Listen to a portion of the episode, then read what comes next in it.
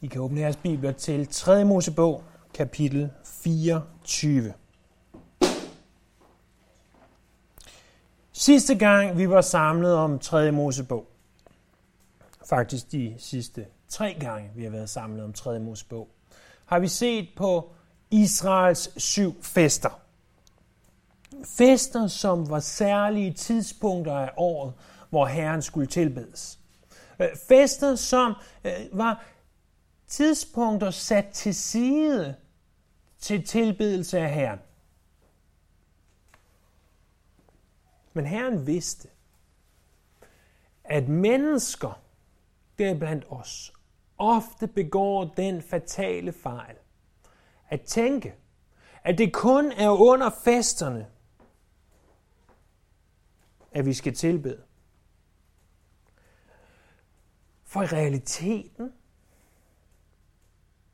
så tæller hverdagen jo langt mere og er langt oftere end de festlige lejligheder.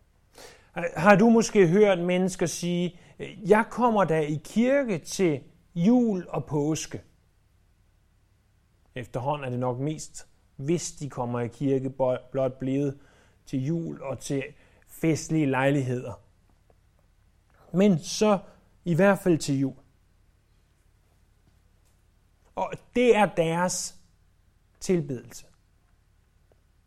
Det er ikke typisk de kristne, som øh, vi nødvendigvis har mest med at gøre. De kristne, som, som vi øh, oftest anser for vores i hvert fald nærmeste venner, vil være de kristne, der siger, jeg kommer i kirke øh, to ud af tre, eller tre ud af fire søndage, eller måske endda alle søndage. Og måske endda alle onsdag, Og har øh, cellegruppe, eller hvad det nu måtte hedde, alle mulige, alle, også hver uge. Jeg, jeg gør det de tre dage om ugen, bruger jeg på kirken. Og imens det er en bibelsk og, og prisværdig ting at mødes med Guds folk. Og, og noget godt og noget, som, som du og jeg øh, ikke bare øh, burde, men, men simpelthen er øh, Øh, påbudt at gøre i år. Ikke nødvendigvis tre gange om ugen, men at i hvert fald i mødes med Guds folk øh, på Herrens dag for at tilbede ham så bliver vi nødt til at stille os selv spørgsmålet. Fortjener Herren ikke også vores tilbedelse mandag morgen? Når vi mest af alt ligner zombier, der står ud af sengen for at indtage arbejdsjorden? Fortjener han ikke vores tilbedelse fredag aften, når andre såkaldt har er ude at i citationstegn at have det sjovt. Fortjener Herren ikke også vores tilbedelse der? Eller hvad med torsdag eftermiddag, når vi sidder på arbejdet? Og mest af alt tænker på, hvornår vi har fyraften. Fortjener Herren ikke også vores tilbedelse på det tidspunkt? Hvis Gud er så suveræn, og hvis Gud er så mægtig, og hvis Gud er så hellig, øh, som Bibelen deklarerer, at han er, fortjener Gud så ikke vores tilbedelse 24 timer i døgnet, syv dage om ugen, med alt, hvad vi er og alt, hvad vi gør? Mit svar vil være jo, selvfølgelig. Og forhåbentlig, når du sidder her nu og hører den her prædiken, eller senere måske lytter til den, men siger, jo, selvfølgelig. Og det er noget af det, som 3. Mosebog kapitel 24 giver os nogle øh, relativt praktiske tilgangsvinkler til. Som jeg ser det, så besvarer kapitlet to spørgsmål. Det første er, hvordan vi kan have fællesskab med ham. Hvordan er det så, at vi kan have fællesskab med Gud? Og det andet er, hvorfor vi skal have fællesskab med Gud. Øh, det første overordnede spørgsmål besvares i vers 1-9. Hvordan kan vi have fællesskab med ham? Øh, når vi skal besvare det spørgsmål, så besvares det med, med to svar. Det ene svar handler om, at vi kan have fællesskab igennem hans ånd. Og vi kan, det andet svar er, at vi kan have fællesskab i ordet. Så det første spørgsmål er altså, hvordan vi kan have fællesskab med ham. Og det kan vi ved hans ånd og igennem ordet. Det er ikke en uddybende liste. Øh, det er ikke øh, kun fra 3. Mosebog 24, vi ved, hvordan vi kan have fællesskab med ham, men det giver os nogle af de vigtigere svar. Så lad os først se på det første svar til spørgsmålet, hvordan kan vi have fællesskab med ham. Øh, Herren talte til Moses og sagde, Giv israelitterne besked om at skaffe dig ren olie af knuste oliven til lysestagen, så man altid kan sætte en lampe på. Aaron skal sørge for, at den altid fra aften til morgen kan brænde for Herrens ansigt, uden for vidnesbyrdets forhæng i åbenbaringsteltet. Det skal være en eviggyldig ordning for jer, slægt efter slægt. Han skal sørge for, at lamperne på lysestagen af ren guld skal brænde for Herrens ansigt. Vi ommøbler lige en gang. For hvis, hvis vi tager den her stol, og så flytter vi også en stol herover. Og så lægger vi min trøje her, så vi ved, hvilken en der er en. Hvilken en. Og, og vi siger, her er indgangen til tabernaklet. Her, hvor jeg står, er indgangen. Øh, der, hvor I sidder, vil I dø, mere eller mindre, for det vil være det allerhelligste. Men, men her er indgangen. Og i det, du kommer ind, vil der på din venstre side, altså her hvor stolen uden min, det hedder vist en cardigan, hængt over sig. Øh, hedder det ikke en cardigan? Jo. Øh, der hvor den stol står, det er der, hvor et lysestagen eller lampestagen befinder sig. På den anden side er der et bord. Det bord er bordet med skuebrødene. Det kommer vi til om lidt. Så jeg kunne have gjort det her meget mere illustrativt. Jeg kunne have taget de to lys og sat over bordet og sat over, men det gjorde vi slet ikke. Så øh, jeg ved, I har en stor indlevelsesevne. Det, der skal ske, det er, at israelitterne, menigheden, skal skaffe olivenolie, så at vores lysestage, eller rettere lampestage, for det er jo ikke en lys, der er, det er lamper, hvor i der skal olie. Hvor i de syv lamper på lampestagen kan brænde fra aften til morgen. Øh, umiddelbart, som vi forstår det både ud herfra og også fra noget, vi læser i Samuels bog, så fik lamperne på det her tidspunkt om morgenen, når det var dag igen, lov til at gå ud. De brændte fra aften til morgen. Øh, I 2. Mosebog 27 omtales den olivenolie, der skal bruges, og der står, at det er her også, at det er den rene olie. Når man presser oliven, plukker man den, og så har man en slags pose, hvor i man lægger alle sine oliven. Og så, så lægger man en lille bitte, bitte, bitte smule vægt på først. Og den første olie, der kommer ud, det er den reneste olie. Og det er den olie, der får lov at brænde i lamperne. Og jo mere man trykker, jo hårdere man trykker, desto mere uren er olien. Og når vi går ned i vores supermarked, så påstår de, at det er den, næsten den reneste olie, ekstra jomfru olivenolie, skriver de uden på alle sammen. Og kørte der ikke en sag for nogle år siden om, at det var svindel og humbug, det meste af det. Øh, men, men hvorom alting er, at det, det er sådan, man presser de her oliven, og jo mere vægt, desto mere ligesom en klud til sidst, så vrider man dråberne ud, og, og de dråber, man skal vride ud allerhårdest, de er ikke meget værd sammenlignet med, med det, der bare drypper ned af kluden uden problemer. Så, så den reneste olivenolie. Det, det er det, der sker. Så, så står der her, at, at Herren talte til Moses, du skal, de skal skaffe sig ren olie og knuste oliven til lyse eller lampestagen, og man kan altid sætte en lampe på. Præsternes opgave var så at sørge for, at det brænder, det er vers 3, fra aften til morgen. Og så står der der, at det kan brænde for Herrens ansigt. Se det. Det kan brænde for Herrens ansigt. Det er også understreget, at den her genstand er af guld. Og det er fordi, at den er placeret i umiddelbar nærhed af hvor et Herren møder sit folk, nemlig det allerhelligste.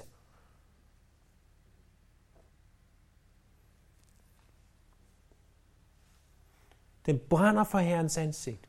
Og en måde, de kunne have fællesskab med Gud på, var ved at komme den her olie på lampestagen, således den brændte, således at de fik kontinuerligt lov til at komme ind i tabernaklet eller senere i templet. Olie i Bibelen er ofte et symbol på Helligånden.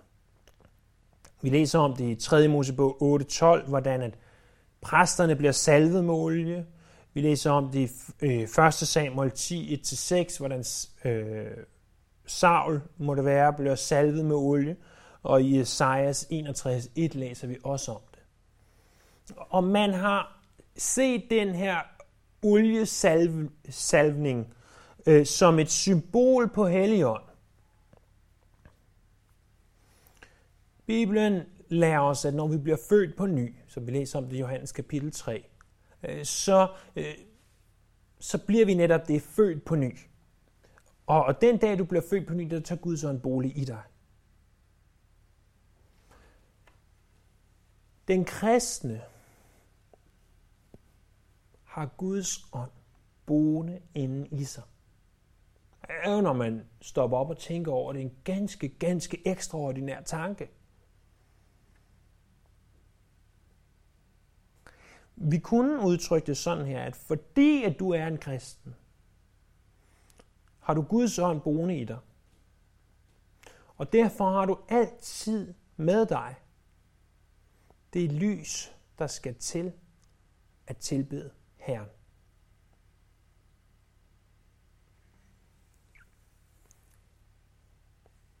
I Johannes kapitel 4, der er Jesus og disciplen på vandring, og det normale var, at man gik udenom det forfærdelige område, der hed Samaria. For ser du, jøderne, de var ganske meget racister over for de her samaritanere. Og, og de havde slet ikke lyst til at være sammen med dem. Men, men kapitel 4, eller det her afsnit i kapitel 4, indleder med, at de var nødt til at gå igennem Samaria. Det, det var simpelthen en nødvendighed. Ikke fordi, der ikke var andre veje, men fordi at Gud havde en meget vigtig plan for det møde.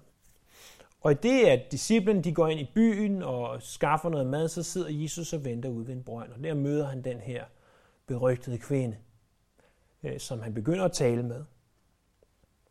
Og øh, øh, det kommer frem til, at, at hun ikke bare har én mand, men hun har fem mænd, og den hun har nu er ikke din mand. Og hun siger, jeg ser, at du er en profet. Og så siger hun, svar lige på det her spørgsmål. Vi samaritanere, vi siger, at vi skal tilbede på dette bjerg. Det bjerg, de havde ved sig i Samaria. Men I jøder, I siger, at man skal tilbede Jerusalem. Hvad er det rette? Hvor er det rigtige sted at tilbede? Og Jesus svarer så, der kommer en dag,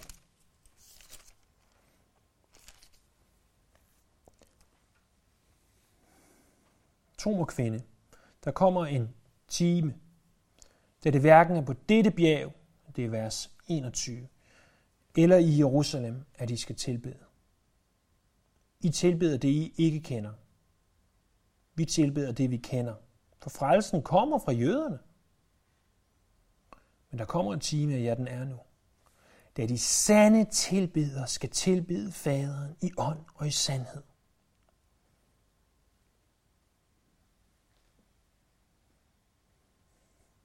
De sande tilbedere skal tilbede i ånd og i sandhed, for det er et tilbedere, at faderen vil have. Gud er ånd, og de, der tilbeder ham, skal tilbede i ånd og i sandhed. Og så begynder hun at tale om Messias.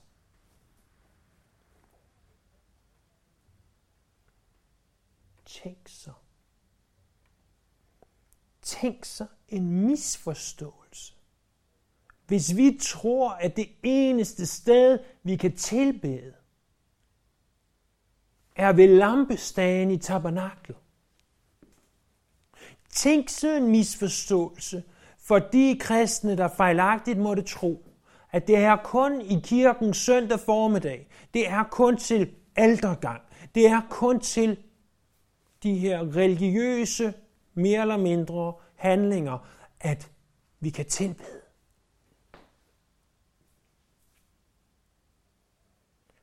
Jesus gør det ganske klart. Der kommer en dag, eller der kommer en time, og den er nu, da de sande tilbedere skal tilbede i ånd og i sandhed. Det handler ikke om lokalitet, men om at du tilbeder, uanset hvor du befinder dig. Og hvad betyder det rent praktisk? Det betyder, at når du laver zombien mandag morgen for at indtage arbejdsugen, så kan du sige, åh Gud, jeg føler mig næsten som en levende død. Hjælp mig igennem den her uge. Jeg vil tilbede dig. Og når du sidder der torsdag eftermiddag og kun tænker på fyraften og det du skal torsdag aften, kan du sige, hjælp mig her til at være den bedste medarbejder på den her arbejdsplads. Fordi at I uanset hvad jeg gør i ord eller handling, så ved jeg, at selv mit i menneskers øjne skodarbejde måske, som jeg hader og som jeg foragter, at det kan jeg vende til tilbedelse.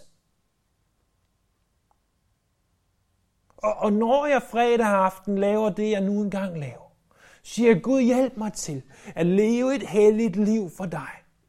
Hvor jeg er et vidnesbyrd for mine venner, for min familie, Således at uanset om jeg er her, eller til en, øh, med, ude med en aftale af en eller anden art, at så må det være i tilbedelse af dig. Og selvfølgelig, når jeg vågner søndag morgen, gør jeg det, som du har påbudt mig. At have fællesskab sammen med brødrene og søstre. Naturligvis. Fordi at det handler ikke om, hvorvidt vi er i en fysisk lokation. Vi kan tilbede, uanset om vi er på toppen af bjerget, i bunden af dalen, midt på havet,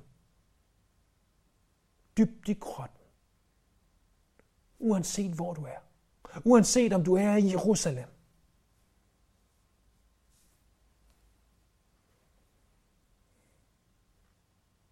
Eller befinder dig i Hillerød så kan du tilbede din Gud. For Guds ånd bor i dig. Du har det lys, der skal til.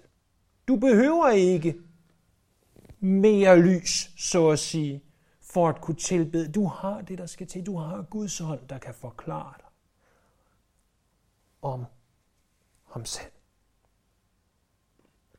Men der er et møbel mere. Der er faktisk to møbler mere, men vi hører om et møbel mere i tabernaklet. Vers 5. Du skal tage fin mel, og så skal du bage 12 ringbrød. Og af det to øh, tiende del efa fin mel til hvert brød. Dem skal du lægge i to rækker, seks i hver række. På bordet er ren guld for Herrens ansigt. På hver række skal du komme ren røgelse. Den skal være duftoffer for brødene. Et offer til Herren. Sabbatsdag efter sabbatsdag, skal de til stadighed lægges frem for Herrens ansigt. Det skal være en evig gyldig paksforpligtelse hos israelitterne. Brødene skal tilfalde Aaron og hans sønner, og de skal spise dem på et helligt sted, for de er højhellige. Det er det, der tilfalder ham af Herrens offer. En evig gyldig rettighed. Så en anden af israelitternes opgaver er altså at skaffe det her mel, der skal til at bage de her øh, ringbrød de bliver placeret på det bord, som her kaldes bordet for skuebrødene. Her ligger de i en uge. Og når ugen var omme, den næste sabbat kom, så fik præsterne lov til at spise brødene. Jeg ved ikke, om det var et privilegium eller et straf. Øh, jeg tror, det er helt, eller jeg ved, det er ment som et privilegium. Men hvis man tænker på brød, der har ligget der en uge, så kunne det godt øh, virke næsten som en straf. Der skulle bruges, hvad, når vi regner det om til vores mål, er 5 liter mel til hvert brød. Nu er jeg ikke den store bager, men jeg kan godt regne ud, at 5 liter mel giver et ganske stort brød. Bordet i sig selv var blot øh, 90 gange 45 cm, og øh, man mener, at måden, hvor, eller i hvert fald Josefus, den jødiske historiker, beskriver, at måden, hvorpå de her brød kunne være på det her lille bord, var, at det, der menes med ordet række, er egentlig, at de er stablet oven på hinanden. I skal huske, når man har oversat det hebraiske her, har man oversat det som ikke nødvendigvis øh, øh, kender man den helt korrekte betydning af hver eneste ord i, i den hebraiske bibel. Der er helt klart nuancer, som er svære at forstå. Men uanset hvad, så er de her brød på bordet, står der, og de her brød, de kaldes for skuebrød.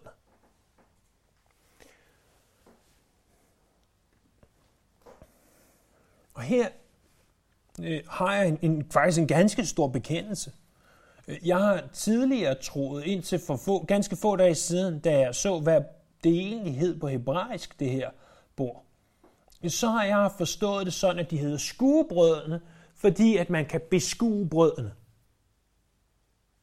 Men det hebraiske ord, der bruges for det her brød, øh, det er øh, brødet foran hans ansigt, eller brødet for ansigtet. Eller ordet kan også oversættes i hans åsyn, og der har vi oversat det skuebrød.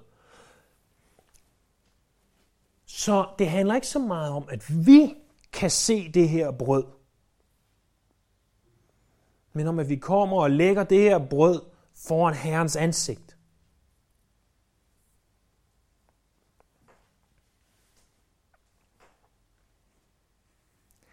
Jeg mener, at fortolkningen af, hvad det her brød er, er ganske åbenlys. Jesus sagde, mennesket skal ikke leve af brød alene, men af et hvert ord, der udgår af Guds mund.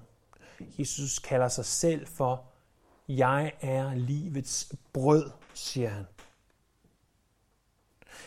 Bibelen kalder Jesus for ordet. I begyndelsen var ordet, og ordet var hos Gud.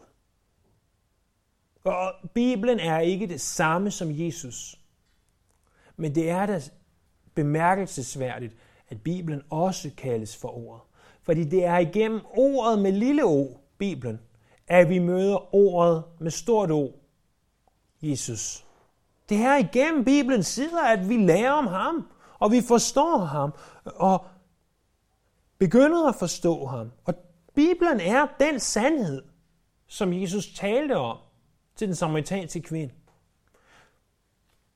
Når vi besvarer spørgsmålet, eller forsøger at besvare spørgsmålet, hvordan kan vi have fællesskab med ham? Jamen, så er det første svar, det kan vi gennem hans ord. Det andet svar er, det kan vi gennem hans ord.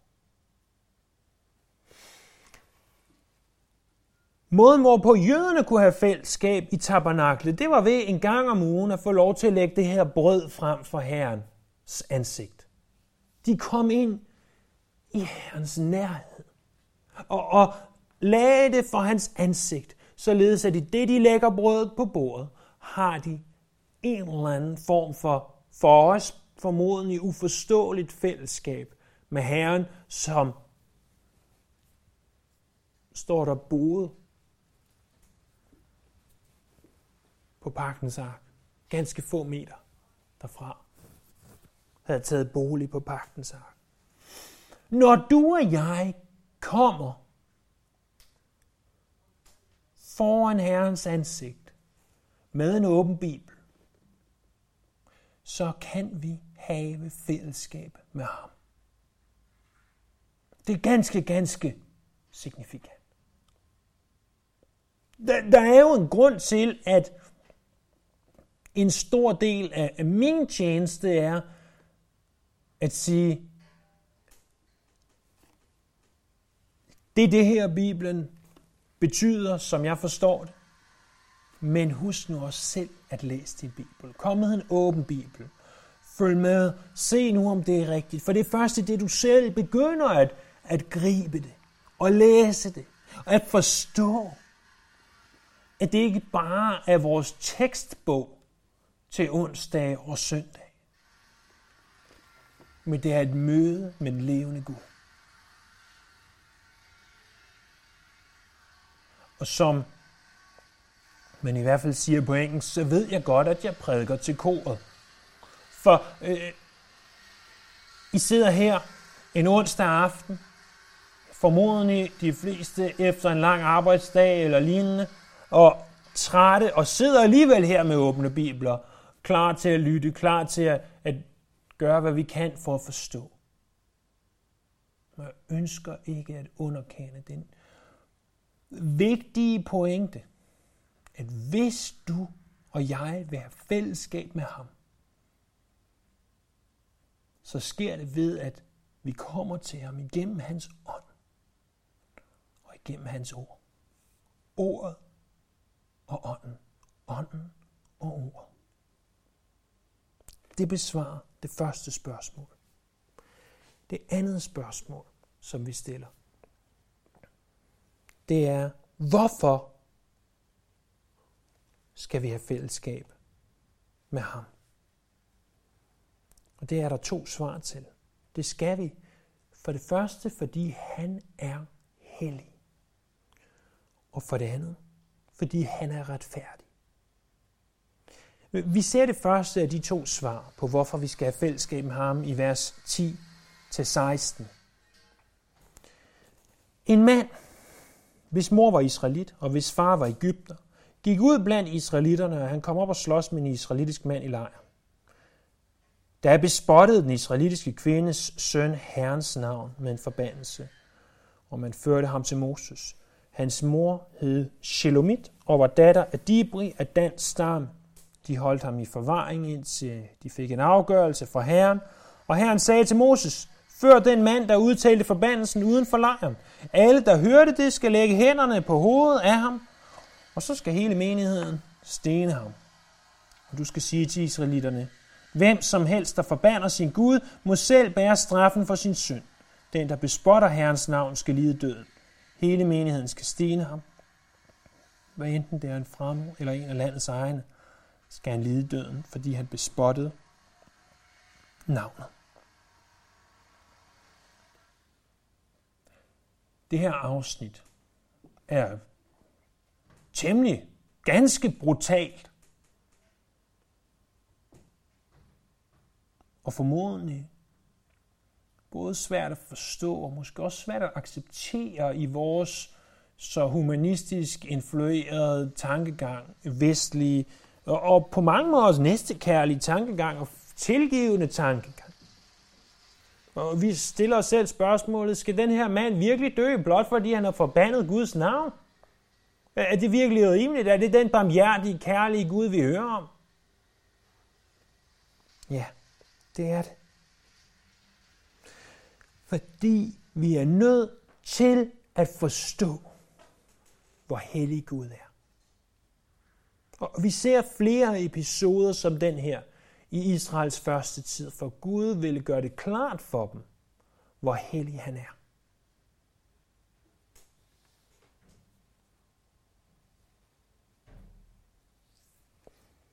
Det her det sker formodentlig kort efter, at instruktionerne i vers 1-9 er givet. Morens navn på den her mand nævnes, mener man så, at israelitiske mødre øh, til tid og evighed kan opdrage deres børn gudfrygtigt. De specifikt skal huske på, at det her var en mors barn, så at møderne kan få lov til at tage del i opdragelsen. Det er ikke det, at han sagde Guds navn. Det er ikke det, at han sagde en forbandelse men det er det, at han forbandede Guds navn, der gjorde, at han måtte dø.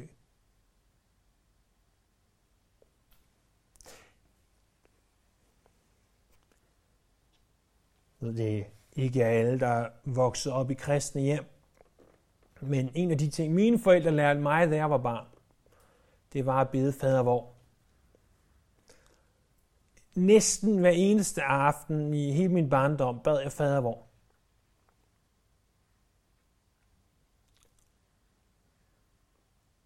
Det første, vi beder for i fader vor, Hvad er det?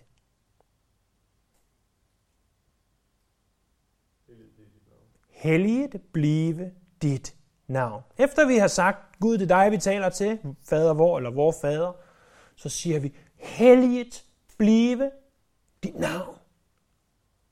Helliget blive dit navn.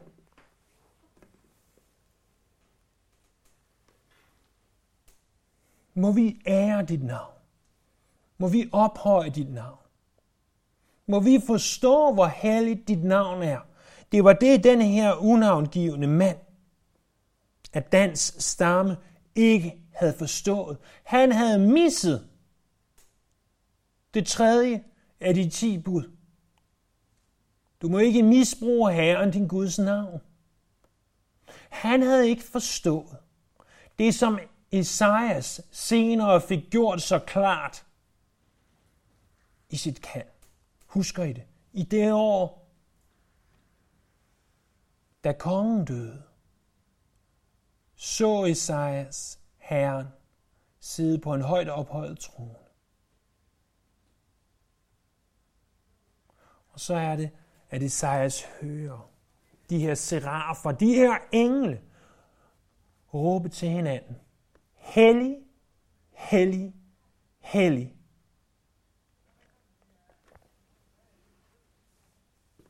At vores Gud er hellig, hellig, hellig.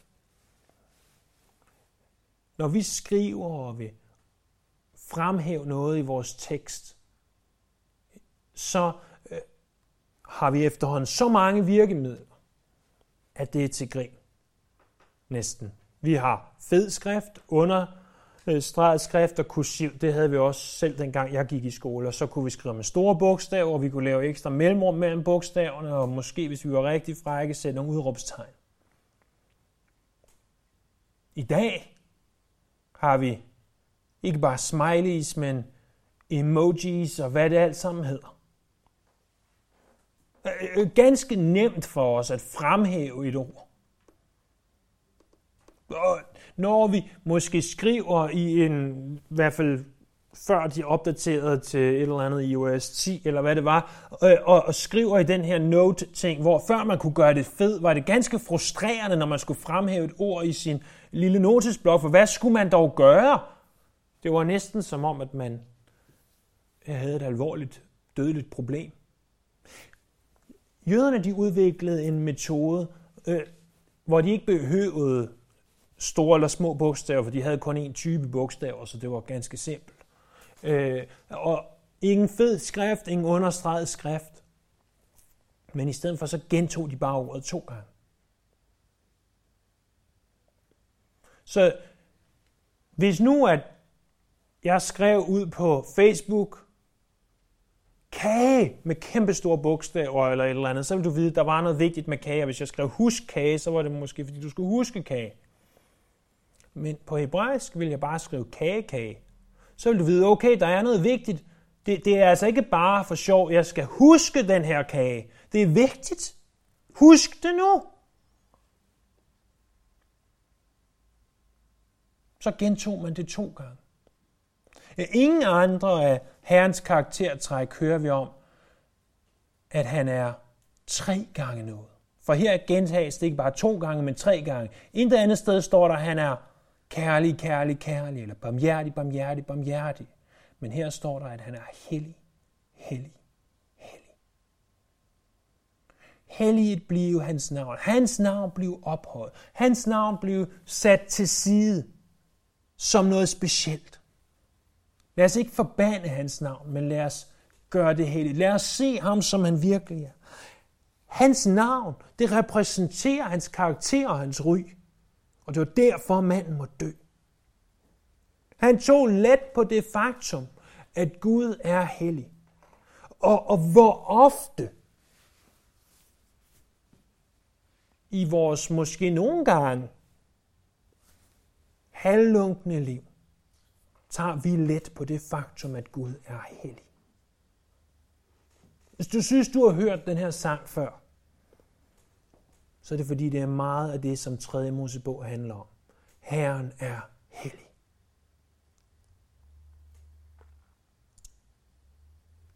At han er hellig betyder, at han er helt og dels anderledes end vi er.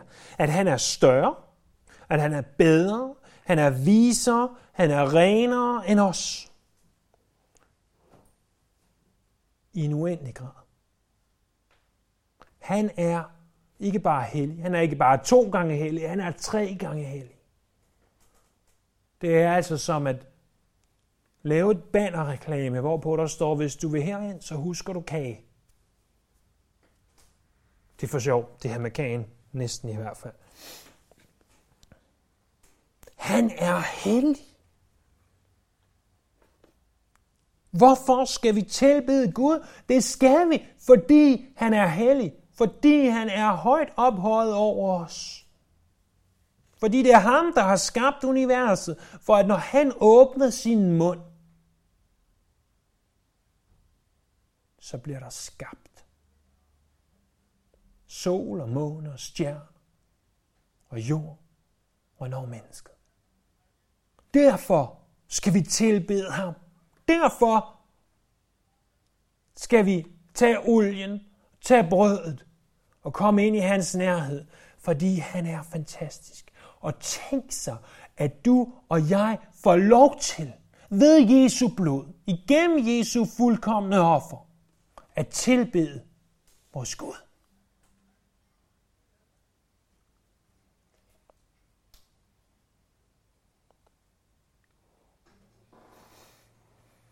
Det andet svar på spørgsmålet, hvorfor skal vi tilbede ham? Det besvares i vers 17-22. Når nogen slår et menneske ihjel, skal han lide døden. Den, der slår et husdyr ihjel, skal erstatte det med liv for liv. Når nogen tilføjer sin landsmand en læmes skade, skal der gøres det samme med ham, som man selv har gjort. Brud for brud, øje for øje, tand for tand. Den læmeskade, man påfører en anden, skal man selv påføres. Den, der slår et husdyr ihjel, skal erstatte det, og den, der slår et menneske ihjel, skal lide døden. Hos jer skal en og samme forordning gælde, for de fremmede, såvel som for landets egne. Jeg er Herren, jeres Gud. Her kommer vi til et afsnit, vi har set på tilbage i 2. Mosebog, kapitel 21, for snart mange år siden. Det er det, som vi typisk kender som øje for øje, tand for tand metoden. Den lidt mere tekniske betegnelse er et to latinske ord, øh, lex talionis, som betyder loven om gengældelse. Se, som sagt også i 2. Mosebog 21, men også i 5. Mosebog 19. Hmm. Det her virker jo igen ganske barsk på vores samfund, øh, hvor at hvis du slår nogen ihjel, får du lov til at besøge fængslet i et par år, så er det måske det. Ikke at jeg er ekspert i strafferammen og hvad straf man nu får for de forskellige ting, men det som Gud siger, det er, begår du en kriminel handling, så må det kun være retfærdigt, at du straffes på den samme måde og med, til den samme grad som den kriminelle handling, du har begået. Så hvis du tager en anden mands øje, så får du taget dit øje. Hvis du tager en anden mands tand, så får du taget din tand.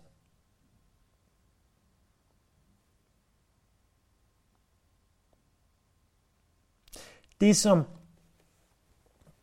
det her først og fremmest vidner om, det er, at Gud han ønsker en retfærdig dom. Han ønsker ikke en uretfærdig dom. Hverken til den ene side eller den anden side.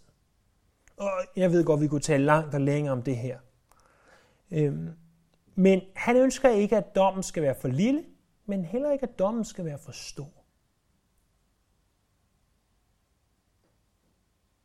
Det her, det er ikke et spørgsmål for eller imod dødsstraf, eller for imod hvor de her lemlige skader, som var det, de havde muligheden for her. Det er et svar på, hvorfor vi skal tilbede Gud. Det skal vi, fordi han er retfærdig. Fordi den måde, hvorpå han dømmer, er retfærdig.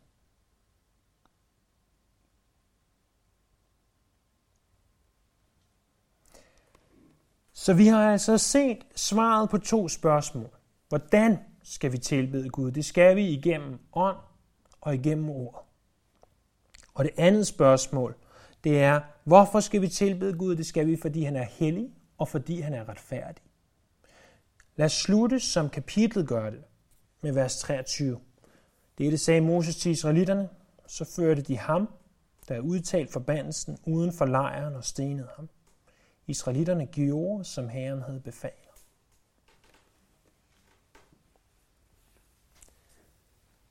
Hvis de her mennesker har været mennesker, som du og jeg, så tvivler jeg ganske stærkt på, at nogle af dem, i hvert fald de fleste af dem, fandt det specielt behageligt at skulle føre en af deres landsmænd uden for lejren, samle sten op og kaste de her sten efter et andet menneske.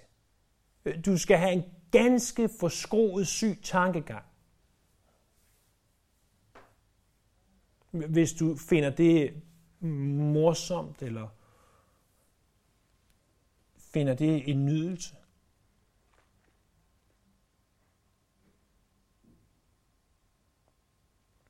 Men det var det, Gud havde sagt til dem.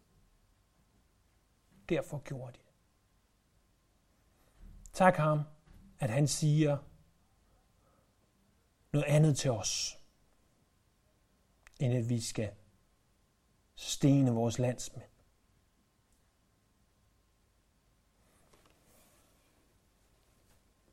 Men hvad med de ting, han rent faktisk siger til os? Selvom de er svære. Selvom de er tunge. Selvom de kan være svære at forstå. Selvom det kan være svært at acceptere at skulle tilbede Herren på et job, som udnytter en. Eller komme ud af sengen mandag morgen, når man ikke har sovet hele natten. Selvom det kan være svært at tilbede Herren på de tidspunkter, så siger han alligevel, tilbed mig alle steder og andre steder i skriften, under alle forhold. Og det er også tungt. Ikke nødvendigvis på samme måde. Når han siger, jeg er hellig, du bliver nødt til at forstå, at jeg er Gud, og du er ikke Gud. Det er mig, der bestemmer, og det er ikke dig, der bestemmer. Det er ganske svært at acceptere. Det er ganske tungt indimellem, når Gud griber ind i vores liv og ændrer det, som vi havde håbet på. Og måske tager en elsket person fra os og siger, det er det, jeg har bestemt, af grunde, som du ikke kommer til at forstå her og nu. Men det er mig, der er Gud. Kære elskede barn, og det er ikke dig. Er det ikke også tungt? Føles det ikke næsten som at tage en sten og skulle stene et andet menneske? At acceptere det. Men israelitterne de gjorde ganske som Herren havde befalet. Lad os bede.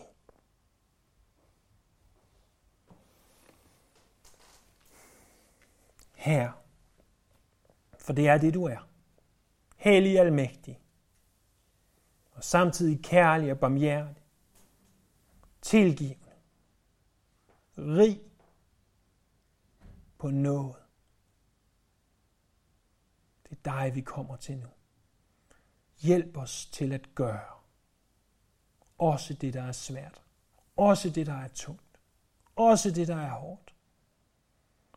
For vi må være ordets gør, og ikke alene det tør. Amen.